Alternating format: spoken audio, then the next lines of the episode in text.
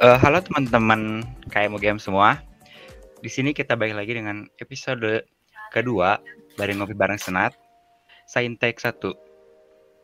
Di sini saya sebagai host, saya dari Biro Riset, Fakultas Teknik Angkatan 20. Nah, di sini kita ada dua tamu.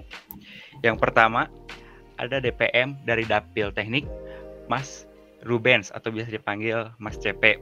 Silahkan Mas, boleh perkenalannya dulu. Iya, halo semuanya. Kenalin nama aku Rubet Christopher Purba, biasa dipanggil CP. Aku dari um, jurusan Teknik Kimia angkatan 2019. Asal partainya itu dari Partai Kampus Biru. Salam kenal semuanya. Iya, salam kenal Mas. Oh, oke okay, yang kedua uh, ada tamu yang kedua kita adalah Indra. Itu teman angkatan saya. Silahkan Indra, perkenalan dulu. Oke, halo teman-teman. Perkenalkan aku Hafiz Ryan Kavindra, biasa dipanggil dengan nama Indra. Asal aku dari jurusan Teknik Elektro, angkatan 2020. Halo, salam kenal semuanya. Iya, salam kenal Indra. Oke, gimana nih uh, Indra sama Mas Cepe kesan-kesannya nih kuliah online selama setahun ini? Dari siapa dulu nih? Hmm, dari Mas Cepe dulu deh, boleh. Oh iya, oke okay deh. Mungkin kalau dari aku ya, um, kesan-pesan selama kuliah online ini agak miris sih. Soalnya kalau dari aku pribadi, emang bukan tipikal anak yang concern banget sama akademik dan lagi online gini kan pakai Zoom gitu ya. Apalagi yeah. cuma di layar kaca doang kuliahnya. Nah, itu tuh rentan banget nggak sih buat kita either itu ketiduran atau mungkin um, lost focus gitu-gitu kan. Nah, um, kalau so far sih aku ngerasanya kayak uh, mungkin balik lagi ke kitanya ya uh, seniat apa kita kuliah. Cuman kalau dari aku pribadi uh, merasa dengan kondisiku yang emang kayak gini um, membuat aku rada-rada terhambat gitu ya. Soalnya kan aku emang anaknya yang effortless gitu. Nah jadinya sedangkan kalau misalnya offline gitu kan at least walaupun kita datang masih bisa lah ngedengerin. Kalau ini kayak bener-bener Ah, susah banget untuk nggak tidur ya selama kuliah online. Mungkin kalau dari aku sih kayak gitu ya. Mungkin dari Indra gimana Indra? Oke, kalau aku ya hampir sama deh sama kayak Mas CP. Tapi di sini karena ya karena aku apa ya kayak nggak bisa diem gitu. Aku tuh tipenya kayak gampang bosen. Kayak misal ngeliatin layar itu. Apalagi gurunya kayak bosenin gitu, kurang apa. Terus apalagi kan kita duduk tuh kan sesuai dengan kesehatan juga duduk 90 menit itu udah maksimal kan ya. Terus kalau misal yes. aku tak ya kalau tak terusin gitu malah kayak capek gitu dan kalau capek biasalah terus deket kasur gitu apalagi di kamar. Pasti auto kayak pengen rebahan lah tapi akhirnya malah rebahan berkelanjutan. ya benar benar. Ya aku juga itu ya kayak kan ada pelajaran tuh yang jam setengah delapan ya Iya. Gila, belum bangun dong. Jadi ya. harus bangun jam 10 dan terlewat pelajarannya. Gila, sering banget sih itu. Kayak kelas pagi itu perlu dihindari, tapi ya gimana lagi lah. Karena KRS kita nanti kalah akhirnya dapat kelas pagi. Bener ya, iya. apalagi hmm, ya kayak gimana ya? Kita kan maba ya, aku sama Noval ini. Terus iya. kayak pengen banget ngerasain dunia kuliah. Eh malah jatuhnya kayak universitas sebelah ya maksudnya yang sukanya online dari awal gitu.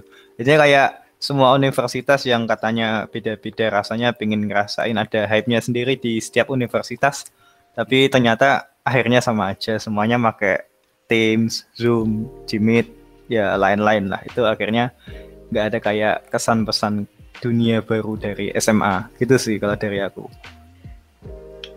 bener, bener sih soalnya kayak apa ya kalau misalnya offline tuh kayak bener-bener seseru itu gitu loh. Maksudnya kalau kita online ini kan vibesnya ya udah kayak sebelah kiri kita ya siapa tahu kayak telat tadi kan baru bangun buka laptop itu masih di atas kasur kiri kanan ya bantal gitu. Sedangkan kalau misalnya um, kuliah offline kita bangun datang telat depan kita ada dosen kiri kanan mahasiswa lagi ngambis juga ya ke bawah gitu vibesnya. Tapi kalau misalnya off online ya kebawa juga sih vibesnya tapi sama bantal sama kasur gitu-gitu ampun oh iya Indra kamu ini posisi lagi di Jogja ya Iya, aku lagi ngekos nih. Oh, berarti kamu semenjak uh, kuliah online ini di Jogja atau baru ke sana?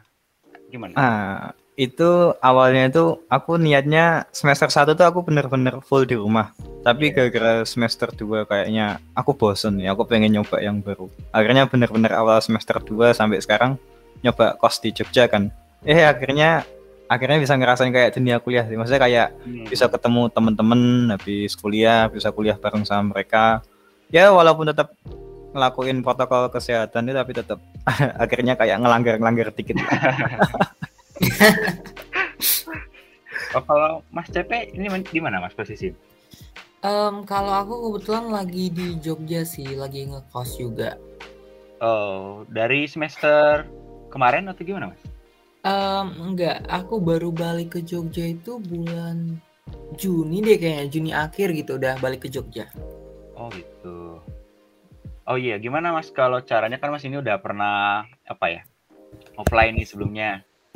Eh perbedaannya Mas kan pasti ada praktikum nih. Bedanya praktikum offline dan online dari eh, teknik kimia itu sendiri gimana sih Mas? Nah, kalau di Tekim sendiri itu ya antara offline sama online. Itu gimana ya bilangnya? Kalau offline itu kan kita kayak bener-bener ke labnya, kita ngelakuin em, prosedur-prosedur yang diminta gitu kan. Sedangkan kalau misalnya untuk online sendiri, itu tuh kita cuman bermodalkan nonton video di YouTube, terus juga baca em, prosedurnya yang via PDF, terus juga kita ya kalaupun ada pretest post test ya udah tapi kita bahkan tetap nggak ngerasain gitu gimana sih caranya. Cuman kalau untuk teknik kimia sendiri untuk di akhir itu ada yang namanya praktikum mandiri. Jadi kita disuruh ngerancak jadi kayak kita dikasih topik tuh. Nah untuk topiknya sendiri tuh ditentuin sama em, asisten lab laboratoriumnya terus juga nanti kita tinggal ngerancang gimana sih kira-kira em, langkah-langkah untuk em, melakukan topik praktikum yang tadi diberikan gitu. Tapi itu praktikum mandirinya cuma sekali doang sih. Tapi em, to be honest, kalau misalnya aku mau ngebandingin nih antara praktikum online sama offline. Ya. Kalau offline gitu, at least kan kita udah pernah ngerasain kan ya. Jadi kayak oh masih adalah teringat gitu kayak "Oh, ini gimana gimana gitu. Soalnya kan kalau dilakuin langsung tuh kan kayak kita interaksi langsung, kita intens sama em, protokol-protokol dan juga prosedurnya gitu. Jadi Hmm. lebih bisa keingat gitu. Sedangkan kalau online gini ya, em, jujur nggak inget semua sih. Ya, Kayak ini apa atau ini gimana gitu. Jadi apalagi kan kita anak teknik ya, maksudnya hmm. em, base-nya itu di praktikumnya kan eh, Hmm. tentang langkah-langkah tekniknya itu. Jadi kalau untuk teknik kimia sendiri itu agak minim banget sih melihat praktikum online ini gitu sih kalau dari aku. Hmm. Tapi kalau teknik elektro kayaknya online gak offline kurang lebih sama nggak sih atau gimana kalau dari kalian? Beda sih. Kalau aku dengar dari cerita cutting gitu kan ya.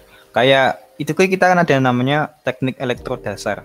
Nah itu tuh bener-bener kita dilihatin kayak resistor, kapasitor, terus bener-bener nyolder gitu. Nah sedangkan aku kayak bener-bener masuk teknik elektro dan itu eh, dulu nggak terlalu kepikiran gitu sama teknik elektro. Akhirnya sampai sekarang belum pernah namanya yang nyolder gitu. Belum pernah kayak ketemu resistor yang asli gimana, kapasitor gimana. Ya akhirnya kayak cuma gini lah, cuma bisa lihat dari video. Nggak tahu lah gimana rasanya. Berarti kurang lebih sama aja lah ya ini lingkungan teknik duniawi ini. Iya. bener bener bener.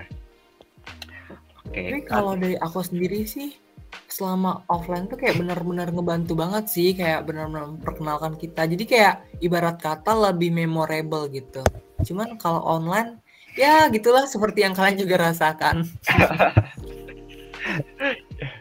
Oh iya, setuju sih, setuju. Oh iya nih, ada sedikit apa ya, kayak sentimen gitu loh. Kalau misalnya online itu kayak nilainya tuh lebih bagus gimana nih? Dari Mas Hmm. TP setuju gak Mas? Sama Indra nih yang udah ngerasain online berturut-turut selama dua semester. Cutting dulu dong, yang udah ngerasain offline nih. Iya.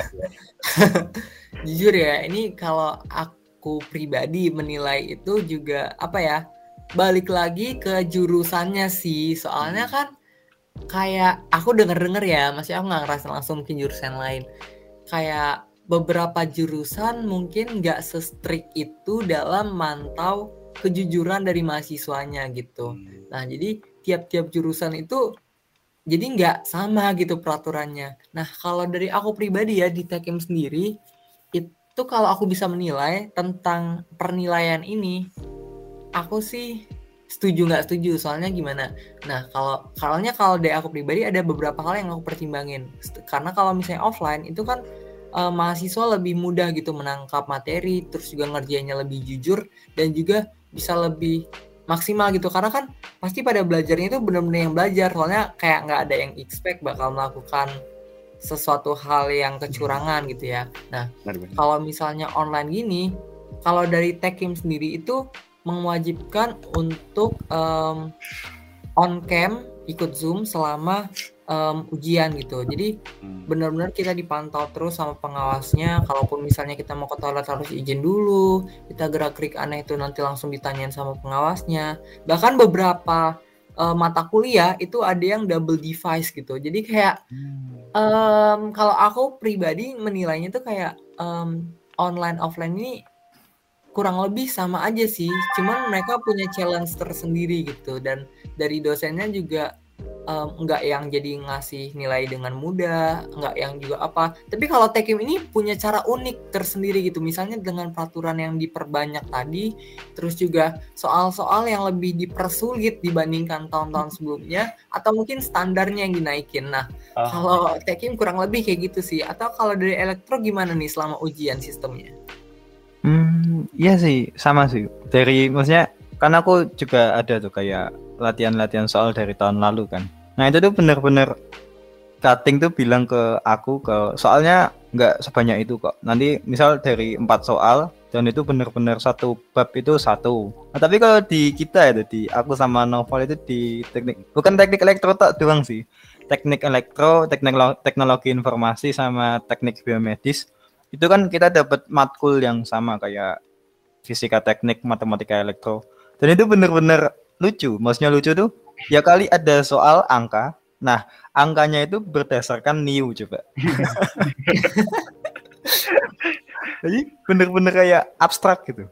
Maksudnya abstrak tuh harusnya kan kita bisa ngitung misal kayak 12 bagi 6 hasilnya 2. Nah, di sini kan kita bener-bener nggak tahu dan itu hasilnya bakal absurd. Maksudnya absurd tuh nggak bisa angka yang bener-bener pasti bulat gitu lah ya. Iya. Dan apalagi kita kan rumusnya udah beda, maksudnya udah wow gitu. Masing-masing ada caranya sendiri, penangkapannya sendiri. Dan itu kalau misal kita nggak ketemu pakai Oh ya kayak itu sih kayak kan kita caranya banyak. Kalau misal kita ketemu kondisi kayak gini, pakai kondisi cara yang ini. Dan kalau kita ketemu kondisi yang kayak gitu, pakai cara yang itu. Nah itu kan berarti bener-bener dosennya ngelihatnya mungkin dari cara kita ngerjain ya, bukan dari hasilnya ya. Itu mungkin kayak Mas CP lah di Tekim. Jadi dosennya bener-bener paham buat ngejauhin teman-teman, maksudnya teman-teman kita, murid-muridnya beliau buat saling jangan contek-contekan gitu. Jadi mungkin mereka udah paham dan udah kebiasaan biar ya kayak mereka mungkin rapat lah sebelumnya. Gimana sih cara biar cara biar apa? Ya? iya sih. Susah emang. Gak tahu lah. Udah Iya. pasrah aku. Terus Google juga aku dulu, kayak kan? nangkapnya gini sih, kayak mereka memperbanyak em, soal itu tujuannya ya biar mahasiswanya bener-bener kelihatan gitu. Ini kalau misalnya ada 10 soal nih. Kalau misalnya ya anak-anak itu pada ngerjain 1 2 3 1 2 7 doang dan semua orang juga semua gitu kan pasti ketahuan oh ini sumbernya sama nih kan.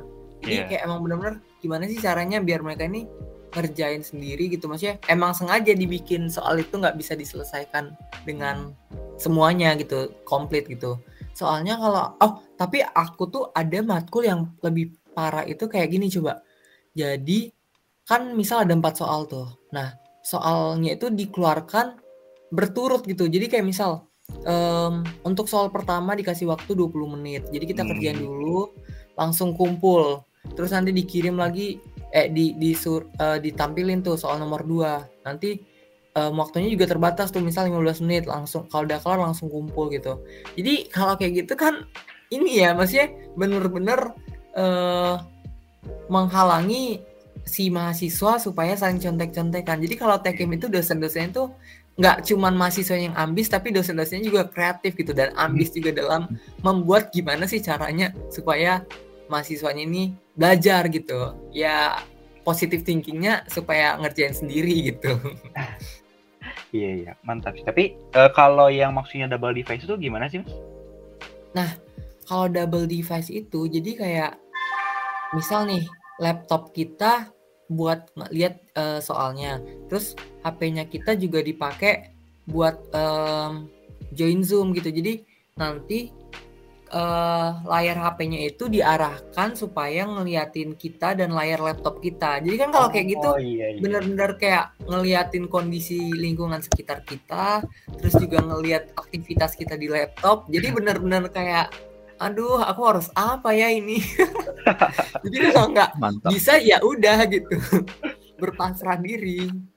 Iya benar-benar. Nah, mungkin nanti ada kreativitas mahasiswa di mana ada device ketiga bisa jadi dia ini. iya benar. Mungkin dosen-dosen tekim bisa menginovasikan lah ya. okay. Jadi sama sih. Apa yang aku nggak satu kemarin dibilangin kan sama temanku yang teknik mesin. Nah dia tuh juga ngasih tahu nggak SS-in soal peraturannya itu. Dia bilang kalau bener-bener kan itu kita nggak ada laptop tuh. Nah belakang kita tuh bener-bener harus ada cermin gede gitu. Jadi peraturannya aneh gitu kayak depan tuh kan laptop kita. Nah, belakang tuh harus ada cermin. Jadi kayak kita mau kalau mau ngelakuin apa, tangan kita sama kaki kita kan itu kayak ketahuan gitu. Wah, jangan-jangan nanti bakal universal itu seteknik gitu. hmm, iya sih. Aneh-aneh emang. Iya, berarti udah mulai kreatif nih dosennya. iya. Ampun ya solusinya sih sebenarnya jadi offline aja sih ya bener gak? Yes, setuju banget sih. Boleh. Nah, UGM sendiri kan ada apa ya? E, mau rencana offline nih, rencananya Agustus, tapi kemungkinan diundur jadi setelah UTS ya. Ya. Yeah.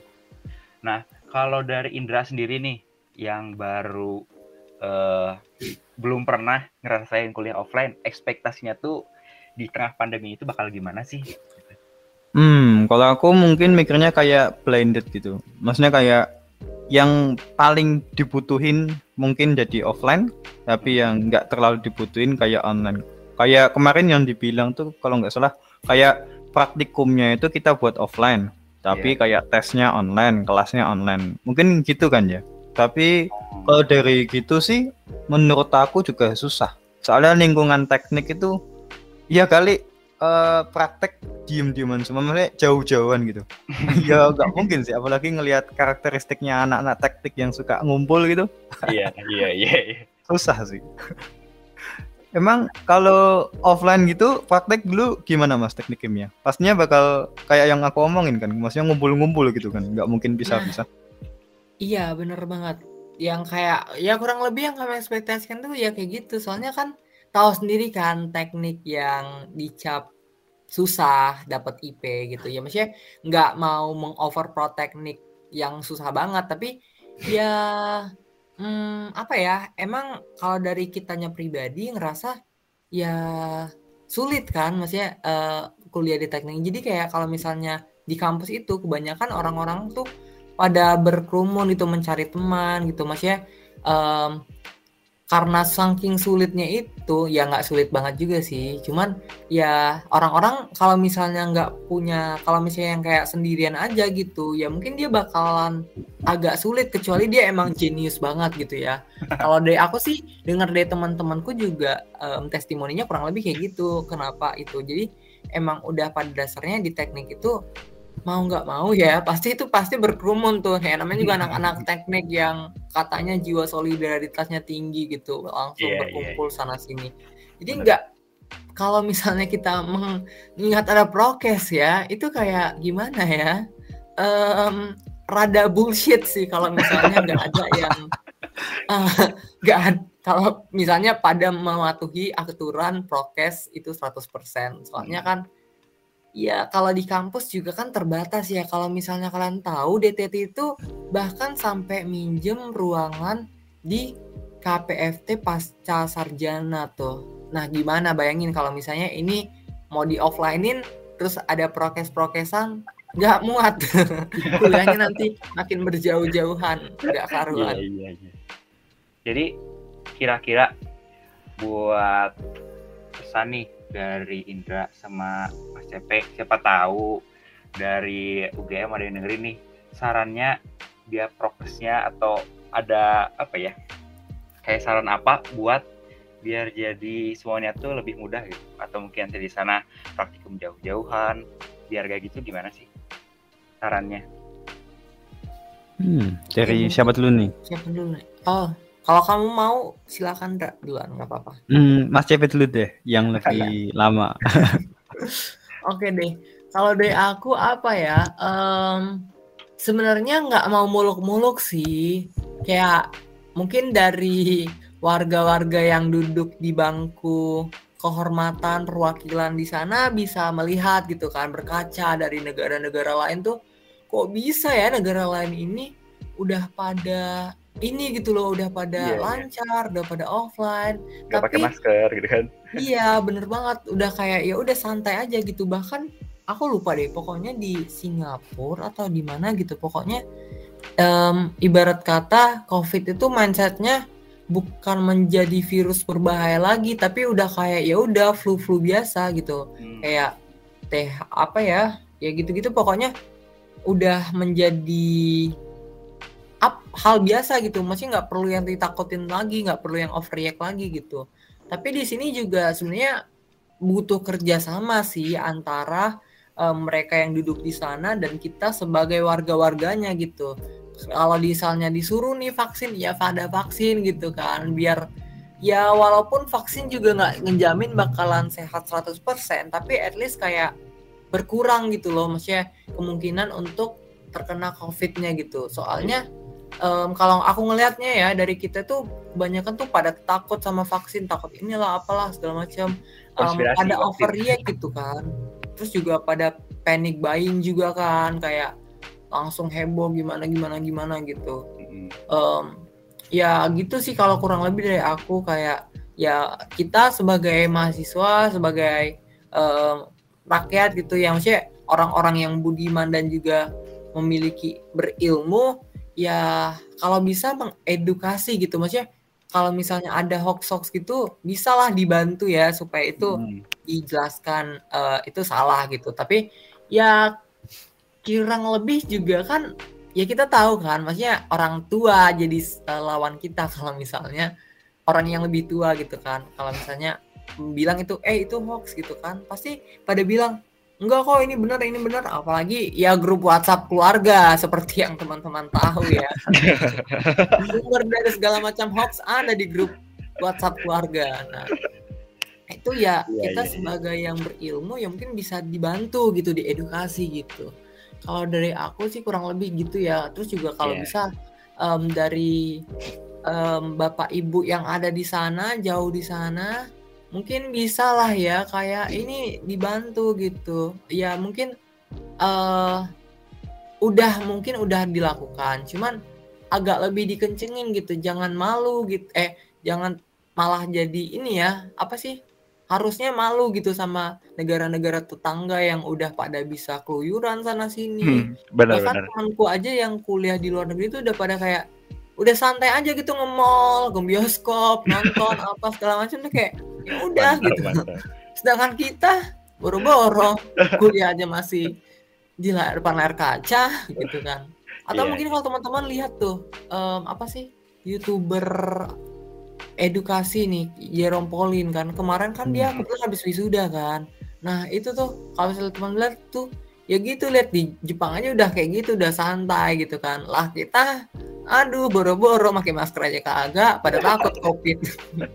Mungkin dari aku kayak gitu sih. Mungkin dari Indra mau nambahin silahkan Indra Kalau aku lebih kayak ya mungkin karena mereka kan juga punya tanggung jawab nih sama kita sama orang tua kita. Nah, kalau aku kan kemarin juga sempat tuh vaksin tuh di Sarjito tuh kebetulan. Nah, aku tuh ngeliat di Sarjito itu juga akhirnya sadar kenapa kayak para petinggi-petinggi itu kayak takut gitu ngadain kuliah offline karena soalnya kita kan juga banyak nih orang-orang Jogja. Kita juga banyak yang masih nanti balik sama pulang ke rumah ketemu sama orang tua kita. Kalau misal kita kan juga punya nih daya tahan tubuh yang kuat lah dibanding sama yang tua-tua anggapannya. Tapi itu kan juga kalau misal kita kumpul nih, terus akhirnya malah ada yang kena nauzubillahnya misalnya. Nah, itu takutnya kan bukan ke kitanya tapi takutnya nolarin ke orang tua. Dan hmm. di Indonesia tuh yang menakuti sebenarnya bukan COVID-nya sih. Maksudnya kayak angka kematiannya yang aku takutin. Karena soalnya kemarin bener-bener aku ke Sarjito itu ruang IGD itu bener-bener penuh dan banyak banget orang-orang yang tua, khususnya yang tua. Kalau soalnya kalau yang muda itu kemarin kayaknya aku nggak lihat sama sekali. Dan mereka tuh bener-bener nggak kedapetan tempat, ada yang di tenda di luar doang, dan bahkan ada yang masih di ambulannya itu ditinggalin gitu. Cuma ditinggalin oksigen oh. sama tensi gitu. Jadi aku bener-bener oh oh ini alasannya ini alasannya para petinggi-petinggi kayak dekan gitu kayak takut gitu soalnya ya karena selain mereka juga paling mikir sih kayak wah ini kasihan nih murid-murid kita nih kok nggak bisa praktikum offline. Ya kali nanti jadi sarjana online. Aneh kan? Nanti tambah ban online. Iya. Nah itu. Tapi mungkin para mereka juga mikirin kayak kasihan juga kalau misal nanti orang tua mereka kena dan akhirnya nanti akhirnya mereka juga yang disalahin. Apalagi yeah. kita tahu mahasiswa teknik ini kan nekat gitu nakal itu kesannya. Iya yes, bener banget. Yeah, okay. tapi tapi bisa kita berkaca sih dari kayak fakultas-fakultas lain fakultas sebelah yang udah ngadain offline kayak kedokteran gitu kan ya. Hmm. mungkin bisa belajar tuh. Bisa kita lihat datanya. Kalau misal mereka udah offline selama enam bulan dan ada nggak keluarga yang kena COVID setelah adanya offline ini? Nah, kalau misal mereka bisa ngelihat tuh dari data fakultas sebelah, kalau misal data kemungkinannya kecil yang kena COVID dari hasil respondennya itu, mungkin bisa kita bisa tanya ke mereka kayak gimana sih waktu offline, gimana prokesnya, gimana. Terus kalau misal dulu sempat digagalin kuliah offline-nya, akhirnya online lagi terus bakal gimana? Kan apalagi kita tahu yang fakultas kedokteran itu bener-bener bisa offline kan ya? Enak banget kan itu kalau bisa oh, kita pengen gimana iya iya baru tahu yes. kalau kedokteran udah offline beneran udah udah beneran itu ya soalnya masa uh, kedokteran lulusnya juga online kan aneh. Nah, dokter ngobatin pasien COVID via online. Ya jadi, Bu, halo, jadi dok, itu halo, nanti dok. dipasang tabung oksigennya seperti ini. itu kan agak bahaya ya. iya, iya, iya. ya makanya itu mungkin kita bisa tanya kan sama mereka fokusnya gimana, aturannya apa aja dan hmm. Harus apa aja yang dilakuin dan itu mungkin harus ketat Ya berarti kan yang yang harus dibenerin itu aturannya bukan kitanya. Maksudnya uh, kita tetap online gitu kan tetap susah lah. Apalagi kita mau mau yeah. diajak maju ke depan yang direvisi itu peraturannya dengan berkaca dari fakultas yang udah sukses atau negeri yang udah sukses atau bahkan univ yang udah sukses deh kayak gimana. Yeah. Gitu kalau dari aku sih lebih berkaca dan lebih apa ya lebih lebih paham lah sama kondisi kita gitu sih kalau dari aku. Gila gila. Luar biasa sekali ya saran dari kedua narasumber kita ini. Mungkin ini akhir dari podcast kita. Dari Indra atau Mas Ruben, mungkin ada kata-kata penutup silahkan. Hmm, kalau dari aku sih paling ya teman-teman semua offline ataupun online ya kalau bisa diusahain tetap maksimal gitu uh, pembelajarannya gitu. Ya maksudnya yang terdampak kan bukan cuman kita doang tapi dari pihak dosennya juga dari satu negara bahkan satu dunia ini juga terdampak gitu. Jadi um, mungkin teman-teman kurang ngerasain gitu kayak online ini kurang banget gitu dapat materinya atau gimana.